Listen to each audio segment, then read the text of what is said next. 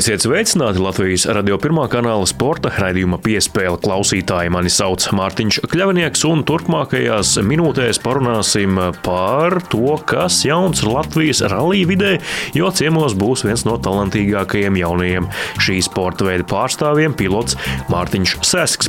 Savukārt vēl tiksimies arī ar Latvijas antidopinga biroja vadītāju Mārtiņu Dimantu, lai uzzinātu jaunāko par to, kas tad notiek Latvijas antidopinga dopinga nozarē, proti, jaunākie paņēmieni, kā tiek izskausta aizliegto vielu lietošana pašmāju sportā, un ne tikai to, arī kāds interesants jaunums saistībā ar pieķerto sportistu pieredzēm un viņu vēlāko devumu sabiedrībai. Taču par to visu pēc pavisam īsa brīža.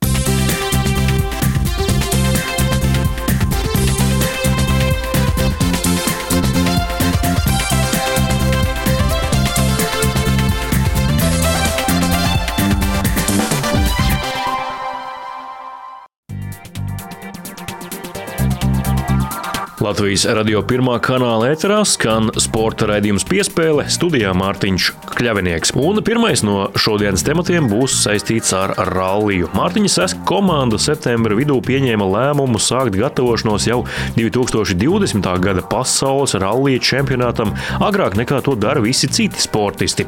Lai nākamajā gadā junioru klasē šajā te konkurencē varētu cīnīties par godalgotām vietām, tiks ieguldīts darbs eh, treniņos un arī papildus laiku laiks tajos.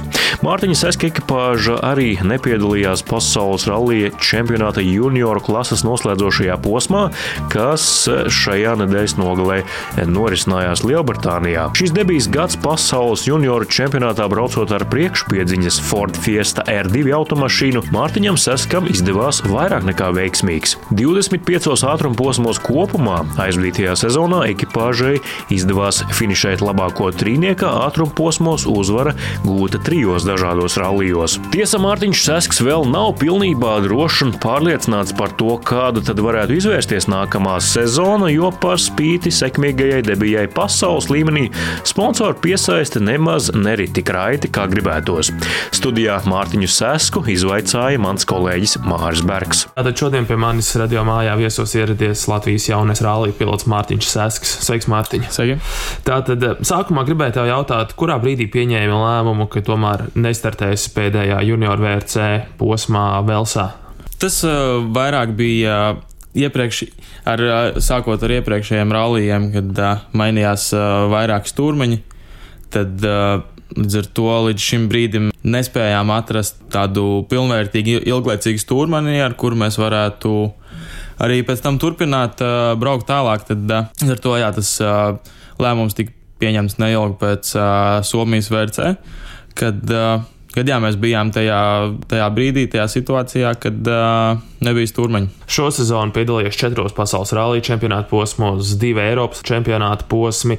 Kā pats vērtēja šo sezonu, jo tomēr rezultāti dažos rallijos bija ļoti labi, citos sanāca kāda avārija, vēl kaut kādas problēmas. Tad kā pats vērtēja, kā es nobraucu šogad? Šī sezona bija ļoti raiba. Jā, runājot par uh, Eiropas čempionāta rallijiem, uh, šī abi rallija izdevās uh, ar, ar pilnpēdziņas mašīnu, pat es teiktu, ļoti labi, jo Liepājā spējām izcīnīt uh, trešo vietu absolūtajā vērtējumā kas ir uh, vispār pats augstākais mans sasniegums, ja tā uh, var mērīt pēc, uh, pēc tām disciplīnām. Tad uh, arī otrs posms uh, Itālijā uh, uz asfalta ar, ar ļoti daudziem pieredzējušiem itāļu braucējiem cīnoties, arī spējām parādīt savu sniegumu. Bet tad jau arī bija tas brīdis, kad es sāku braukt ar treneri šo te vienu ralli līdz ar to.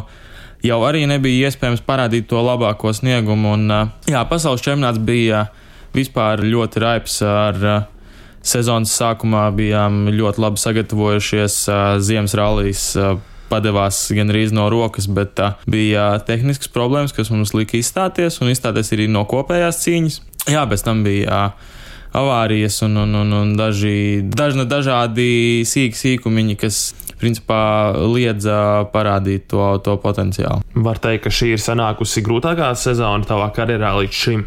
Šī noteikti ir grūtākā un smagākā sezona, it īpaši psiholoģiski, jo bija kaut kādi tie brīži, kad pavisam nebija skaidrs, kā tālāk turpināt un kā vispār turpināt to savu karjeru, tad noteikti var teikt, šī bija grūtākā sezona. Tagad pamazām esat tikuši skaidrībā komandas iekšēnē, kā turpināt to karjeru.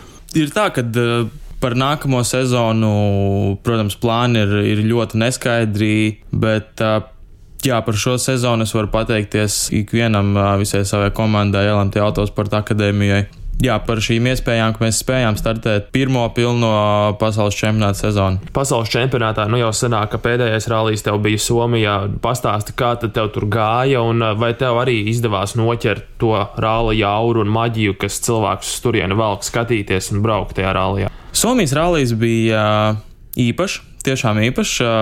Varbūt uh, nedaudz citādāks, kā tas bija pēc uh, fanu un, un, un citu latviešu braucēju nostāstiem. Vispār tā Somija ir ļoti mītiska un ļoti apvīta ar dažādiem stāstiem. Tad, uh, jā, mums bija tā unikālā iespēja pašiem pirmo reizi izmēģināt. Un uh, es varu teikt, ka es tiešām izbaudīju pilnīgi visus kilometrus, kurus mēs nobraucām, jo šam rallijas ir gan arī skaists, gan ātrs, gan ar ļoti daudz tramplīniem. Un, uh, Jā, tajā pašā laikā arī bīstams uh, Somijā. Pieļāvām nelielu kļūdu tieši sadarbībā ar, ar stūrmani, kas bija sīka, sīka stenogrammas atkārtošana, man neustveršana un uh, pieļāvām kļūdu, nolauzām riteni, jo Somijā tiešām akmeņi un koki ir, ir turpat blakus ceļam, un uh, tiklīdz ir kāda mazākā kļūmīta, tad uh, tā jau ir jau neatgriezeniska. Skatījos vienu, manuprāt, tas bija Power Stage beigās, kur VRC mašīnas lidoja pāri pa 60 metriem tramplīnos. Cik tev varētu būt bijis tālākais leciens Somijā šogad? Tajā vietā, kur uh, bija jā, tas power stage, uh, pēdējie 50 metri un, un, un milzīgs tramplīns, tad uh, aptuveni tie bija 27, 30 metri. Protams, nav iespējams salīdzināt uh, mūsu R2 klases mašīnu ar uh, trīs paudzēm augstāku VRC, jo, ja mums amortizatoru gājiens ir uh, aptuveni 10 centimetri, tad uh, viņiem tie ir 60. Tad, uh, Viņi spēja desmit reizes tālāk aizlikt un augstāk. Diezgan sāpīgi arī varētu būt piezemēšanās, vai ne pēc tāda leciena? Ja godīgi nē, tad uh, atrodot to pareizo ātrumu, kā ir jābrauc, tad šī te tehnika spēja kalpot ļoti, ļoti labi. Runājot par taviem konkurentiem junior VRC klasē, kā viņi pret tevi izturējās, ņemot vērā, ka pagājušajā gadā uzvarēja Eiropas čempionātā junior vērtējumā? Ja tā godīgi, tad visi kas līdz šim mēs tur braucām, un kas bija līdz šim braukuši arī pirms tam pasaules čempionātā, tad visiem jau bija kaut kādi sasniegumi. Es nebiju vienīgais čempions šajā klasē, tad uh, visi jau bija pirmajā sezonas posmā viens uz otru. Visi zināja viens par otru un uh, zināja, kurš ko ir sasniedzis. Tad uh, es nevarētu teikt, ka tā bija kaut kāda īpašā, īpaša attieksme pret mani. Varbūt pat tieši otrādi, ka visi gaidīja no manis to rezultātu. Ja es esmu tomēr Eiropas čempions, tad, tad jā, arī, arī komanda un vispārējie gaidīja to augstāko rezultātu. Kur tu jūti izaugsmi pats sev kā braucējs, kur vēl var pielikt? Tā lielākā lieta, kas mums ir jāmācās, tad tā ir šī pieredzes iegūšana. Jo aizbraucot uz šiem rallijiem, tad jā, es biju varbūt pats gatavs par 70%, kas nozīmē, ka 70% no ātruma posmiem es varēju veikt ļoti labā līmenī, bet bija šie 30 pieredzes, un tajos 30 ietilpst šī stūrmeņu lieta, kad šogad es esmu braucis ar četriem stūrmeņiem. Tas ir gluži tāpat kā attiecībās, kad nedēļas laikā nespēja izveidot simtprocentīgu uzticēšanos, un, un tieši tāpēc ir ļoti svarīgi ilglaicīgi stūrmeņi, ar kuriem ir šī konkrētā pieredze jau dažādos rallijos. Un ir ļoti viegli iepriekšējā gadā ar to pašu cilvēku, tu esi bijis vienā rallijā, tad atbraucot nākamajā, viss ir viss ir pilnīgi skaidrs un uh, tev paliek vairāk enerģijas uz šo sportisko braukšanu par mašīnām tieši. Brauc ar R5 mašīnu, divas Eiropas čempionāta rallijas, vērts atkal brauc ar R2 mašīnām. Šī mētāšanās starp klasēm, un tur, protams, ir divi dažādi ātrumi šīm mašīnām. Kā tas ietekmē tavu kaut kādu gatavošanās procesu, braukšanu, trasē tās sajūtas, vadot mašīnu? Ja ir uh, lielāka pieredze ar vienu vai otru, tad uh, pārkāpt starp tām mašīnām nav tik liela problēma. Tā problēma varbūt ir tajā brīdī, kad ir nepietiekams testu apjoms starp pārkāpjot no vienas otrā un pēc tam apakaļ. Bet kopumā ir, ir pustreniņu diena, kad atkal jau pilnībā adaptējies otrai mašīnai. Par treniņiem tātad, tavuprāt, paspējāt šo sezonu aizvadīt kopumā pietiekoši daudz treniņus, dažādus testus, vai tas apjoms varēja būt krietni, krietni lielāks, ņemot vērā arī to faktu, ka teici, ka brauc ar četriem stūrmeņiem visas sezonas gaitā apjoms vienmēr var būt lielāks, un šajā sezonā tas noteikti nebija pietiekams. Tas bija tas, šis te ir atkarīgs arī no, no, no finansiālā aspekta, jo jebkurš treniņš ir konkrēti līdzekļi līdz ar to. Jā, noteikti, kad vienmēr var aizdīt vairāk un vienmēr var trenēties vairāk. Un, uh, šī dažādu stūrmaņu maiņa noteikti nepalīdzēja sagatavošanās procesā. Jā. Kā tev vispār ar finansēm, finansu piesaistīšanu? Jo mēs dzirdam regulāri daudzos un dažādos sporta veidos, ka ziedojuma apjoms sportam samazinās. Kā tas ir rallijā un kā tieši tu izjūti šo situāciju ar sponsoru atbalstu? Protams, šis brīdis nav vienkāršs. Ir ļoti jāpiepūlas, lai, lai spētu atrast vajadzīgo budžetu sezonai un arī treniņiem un, un visam pārējiem. Protams, tas nav viegli, bet, uh, ja ir mēķis, tad uh, uz to ir jātiecās. Es sācis arī studēt, kā tas ietekmē tavu ikdienas dzīvi, rutīnu un uh, iespējas pievērsties rālijiem. Pagaidām, kamēr esmu sācis studēt uh, gan arī tikai mēnesī, kopš septembra, tad uh, tā kā šobrīd ir starpsezona, tad nav vispār nekāda problēma ierasties uz, uh, uz studijām. Un uh, arī tajā fiziskajā sagatavošanas procesā tas, tas neko īsti nemaina. Tāpat ir. Uh, brīvs laiks atrasties zālē un trenēties. Tajā brīdī, kad sāksies sezona ziemā, tepat pie mums jau sports iegūs prioritātes statusu, vai tomēr mēģināsi kaut kā abus divus salāgot? Protams, es mēģināšu savienot abus divus, bet pasaules čempionāts ir tā pat lielākā mana prioritāte, un, un tas ir tas, kas ir tas pats mans augstākais mērķis šobrīd. Tad, jā, sākoties sezonai. Uh, lielākā daļa uzmanības tiks veltīta sportam.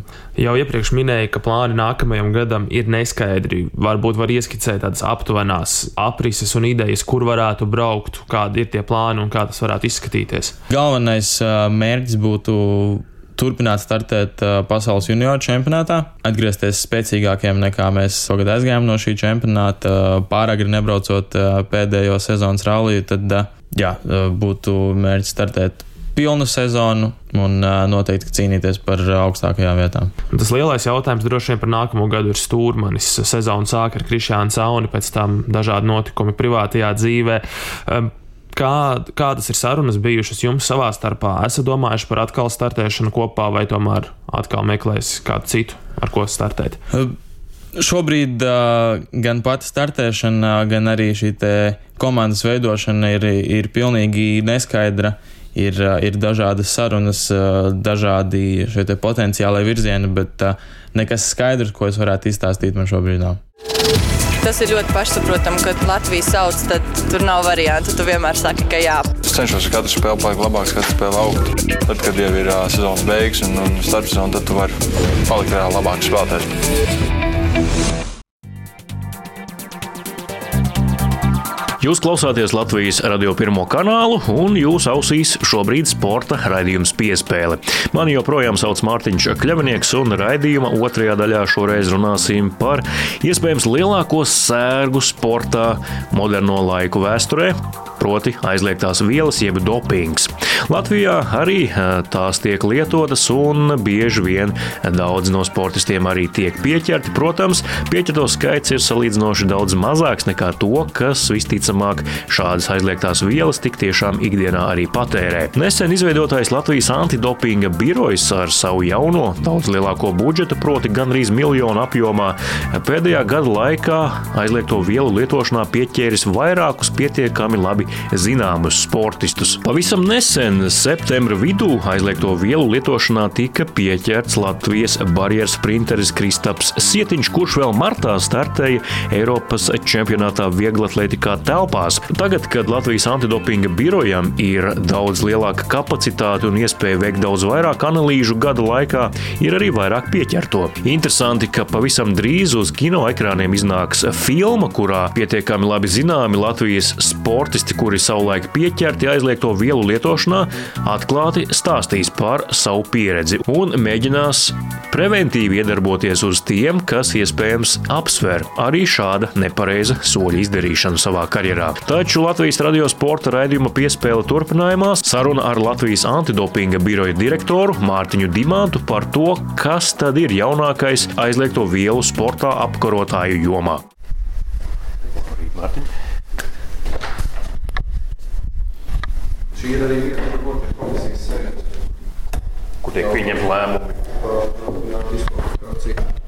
Latvijas radio pirmā kanāla sporta raidījums piespēle apsēdušies pie gāda, lai parunātu ar Latvijas antidopinga biroja direktoru Mārtiņu Dimantu un par to, kas ir mainījies un kas jauns Latvijas uh, sportā neatļautu vielu lietošanas apkarošanas jomā. Vispirms jau sveiki, Mārtiņ! Jā, sveiks. Es atceros to iepriekšējo mūsu sarunu pirms aptuveni pusotra gada, šķiet, vai pat diviem, kas bija vēl jūsu vecajās telpās, kad bijāt Rīgas centrā. Nu, tur pirmkārt jau tīri tā estētiski un vispār kopumā no loģistikas viedokļa un arī ergonomikas nu, bija diezgan tā saudabīgi, kā Latvijas dopinga apkarotājiem ir jāstrādā šādā vidē.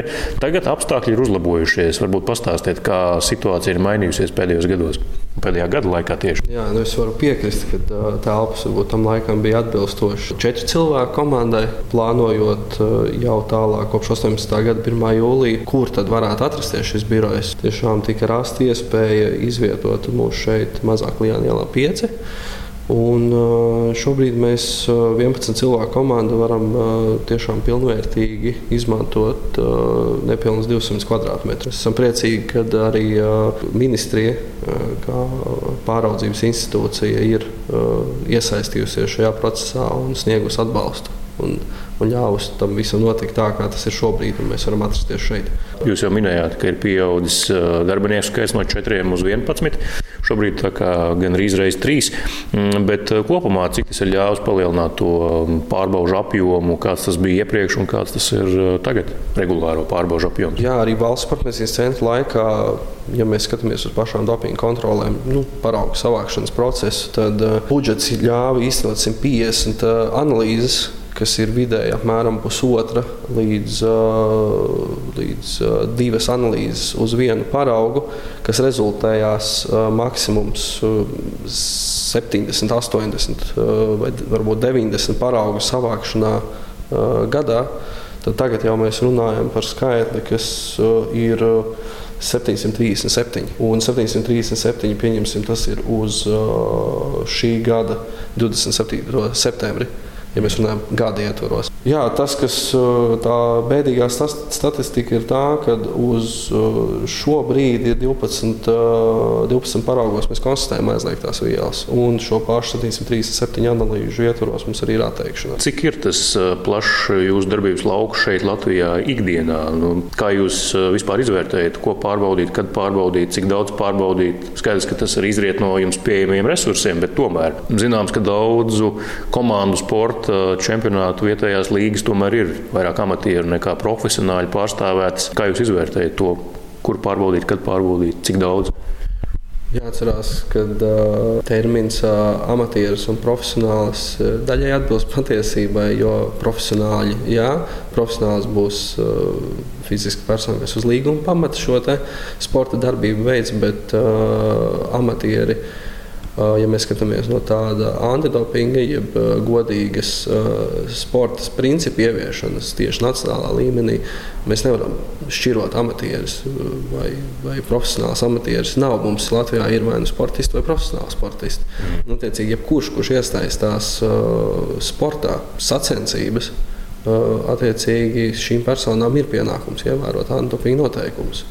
Un eh, šeit ir runa par to, ka mums nacionālā līmenī ir eh, neatkarīgi no tā, kāds tas ir līmenis, vai varbūt ja kādam šķiet, ka tas viņam ir eh, vienkārši tāds hobijs un vaļas prieks, bet gal galā, ja viņš sacenšas un tie ir komandas sporta veidi un sacensība notiek reālā veidā un gūstot punktus, gūstot uh, godalgas. Ja vēl, tas, ja vēl tas nes atvainojas jau Latvijas čempionāta nosaukumu, tad vispār tādai, tādam attaisnojumam, kā es jau to daru tikai savu prieku pēc, viņam nav vietas šeit, jo tieši tā uz visiem attiecās šī godīgā spēle. Un vēl jau vairāk tas ir šobrīd ras, raisījis tādu diezgan plašu un nopietnu diskusiju arī ar uh, Izglītības zinātnes ministriju par to, kā mums būtu korekti jādefinē tādi publiski pasākumi, kuri neietver sevi it kā teorētiski, varbūt kaut kādu sacensību elementus no juridiskā viedokļa. Nav pieņemsim nolikuma šī iemesla dēļ tās vairs nav sacensības. Un, ja tās nav sacensības, tad tie, kas tur ir dalībnieki, vairs nav sportisti. Ja tie nav sportisti, viņiem nav jāievēro noteikumi. Bet eh, šeit ļoti būtisks ir 2017. Eh, gada Startautiskās sporta arbitrāžas tiesas eh, lēmums, kurā ir tāda atziņa, ka patiesībā jebkura sportiskā aktivitāte kas eh, varētu novest pie tā, ka, piemēram, diskvalificēts sportists iesaistās šajā pasākumā, pat ja tas netiek definēts kā sports. Bet viņš varētu ietekmēt citus sportistus, kas ir godīgi. Diskvalificēts sportists nevar iesaistīties arī šādos pasākumos. Ja, ja kāds ir izslēgts savas negodīgās rīcības dēļ no sporta, tad jebkas, kurā, jebkādas aktivitātes, kurās ir sporta elementi, un kaut mazākajā mērā ir saskatāms sacensību raksturs. Tas nav pieļaujams, ka šie cilvēki piedalās šādos pasākumos. Mm. Tas ir diezgan liels izaicinājums šobrīd. Un bez tam tas ir jāskata arī caur šo kodeksu punktu, kas nosaka, kāds ir status sportistam diskvalifikācijas laikā. Kā tas ikdienā notiek, piemēram, Latvijas hokeja čempionāta vai Latvijas handbola čempionāta spēle, un pēc spēles vienkārši spēlētāji nāk uz ģērbtuvēm un viņus sagaida antidopinga biroja pārstāvis, kontrolieris un saka, nāciet man līdzi, vai tas jau iepriekš tiek paziņots komandai, ka būs šāda pārbauda? Visas uh, dopinga kontrolas pēc būtības un pamatā viņas var būt efektīvas tikai tad, ja viņas ir bez iepriekšēja brīdinājumu. Protams, ka ir izņēmuma apstākļi, kuros varētu būt situācija, ka sportists būtu iepriekš ticis informēts par to, ka viņam būs kontrole. Pieņemsim, tas ir iespējams mājas kontrole laikā. Mm. Sportists, sportistu mēģināt, mēģinot kaut kādā veidā panākt, ka viņš atver durvis kontrolierim, bet viņš vienkārši to nedara. Viņam tiek zvanīts.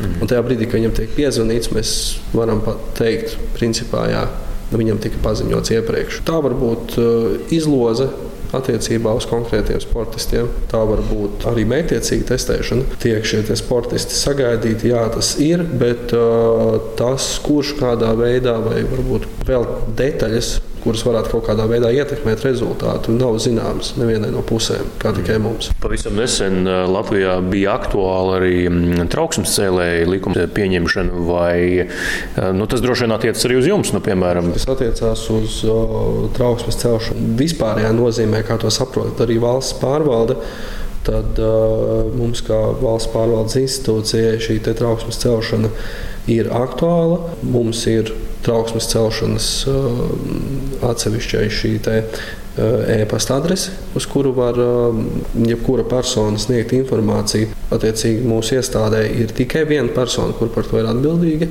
Šīs valsts pārvaldes izpratnē trauksmes celšana ir trauksmes celšana par valsts amatpersonu darbību nolaidību vai kādām rīcībām mēs novedam pie pretiesiskām sakām. Bet, ja mēs runājam par antidopinga noteikumu pārkāpumiem, tad tā ir vēl atsevišķa ziņošanas sadaļa mūsu mājaslapā, kurā jebkura persona var anonīmu ziņu mums atsūtīt. Es nevaru noliegt to, ka mūsu rīcībā ir nonākusi informācija no dažādiem avotiem par iespējamiem pārkāpumiem, par iespējamiem sporta veidiem.